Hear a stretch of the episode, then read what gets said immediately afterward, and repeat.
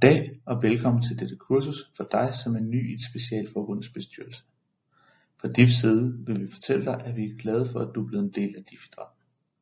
Men hvad er det i grunden, du er blevet en del af, nu hvor du er blevet valgt til bestyrelsen i dit specialforbund? Og hvad er dine opgaver og forventningerne til dig egentlig? Med dette kursus vil vi forsøge at klæde dig på til at kunne besvare disse spørgsmål. Vi udbyder dette kursus, fordi erfaring viser, at nye bestyrelsesmedlemmer har bedre forudsætninger for at trives og lykkes i deres nye rolle, når de har fået en ordentlig introduktion til den kontekst, de er havnet i.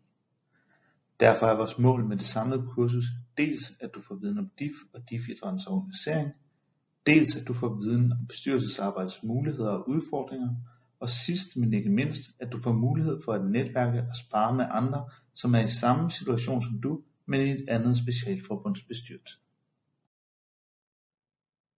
Dette kursus er delt op i to bidder. Du er nu i gang med første del, som er et e-læringsmodul, hvor du får informationer om din rolle som bestyrelsesmedlem og organiseringen af DIF-idrætten.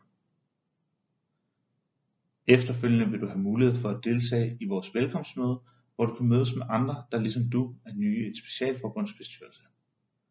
På dette møde vil vi desuden have mulighed for at udfolde nogle af de informationer, som du modtager i dette e-læringsmodul.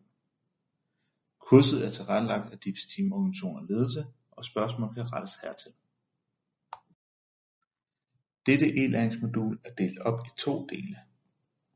I del 1 behandler vi, hvad det er, du er blevet en del af. Først behandler vi specialforbundets organisering. Dernæst kigger vi på, hvad en bestyrelse er, hvad en bestyrelse laver, og hvilke forventninger der er til dig som et bestyrelsesmedlem.